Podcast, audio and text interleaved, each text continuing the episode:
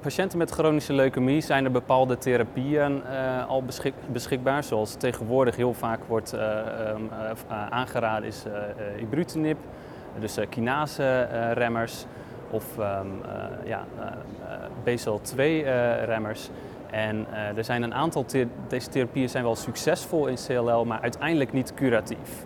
En er zijn een aantal andere therapieën, dus autologe therapieën, uh, die wel succesvol zijn in meer agressieve vormen van leukemie. Dus uh, dat wil zeggen meer ALL, dus de, de acute vorm. maar die zijn niet zo succesvol in chronische leukemie.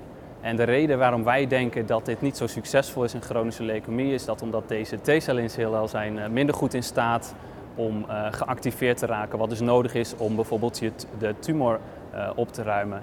En de reden is dat wij denken dat het zo is, is dat CLL, dus chronische leukemie, de, het immuunsysteem actief onderdrukt.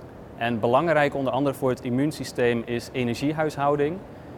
dus T-cellen zijn heel erg, als ze geactiveerd raken, nemen ze meer glucose op. Dan zorgen ze dat de mitochondriële massa hoger wordt, wat heel erg belangrijk is voor de effectorfunctie. En omdat die T-celmetabolisme heel erg gelinkt is aan T-celfunctie, dachten wij van misschien is T-celmetabolisme in chronische leukemie dus ook aangedaan. Wij hebben um, T-cellen van gezonde donoren, dus, die een beetje dus age-matched, vergeleken met CLL-patiënten. Want CLL zijn wat meer de, de oudere patiënten, dus we hebben ook um, gezonde donoren van min of meer dezelfde leeftijd genomen. En die twee hebben dus met elkaar vergeleken. En wat daar uit het onderzoek naar buiten kwam was dat deze T-cellen een um, verminderde glucoseopname hadden en dus ook een verminderde uh, mitochondriële massa. En dit scheen heel belangrijk te zijn, want we hebben ook een, een um, cohort van patiënten bekeken uh, die een CAR T-cell trial zijn ondergaan.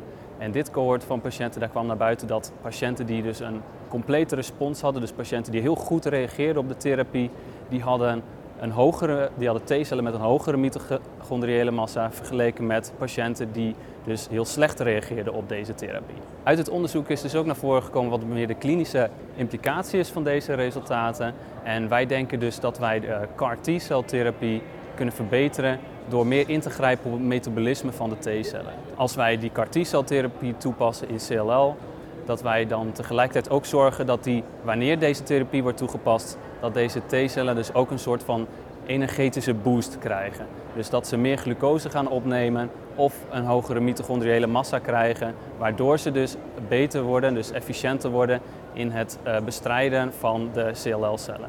En dus dat, dat dat uiteindelijk positief is voor uh, de patiënt.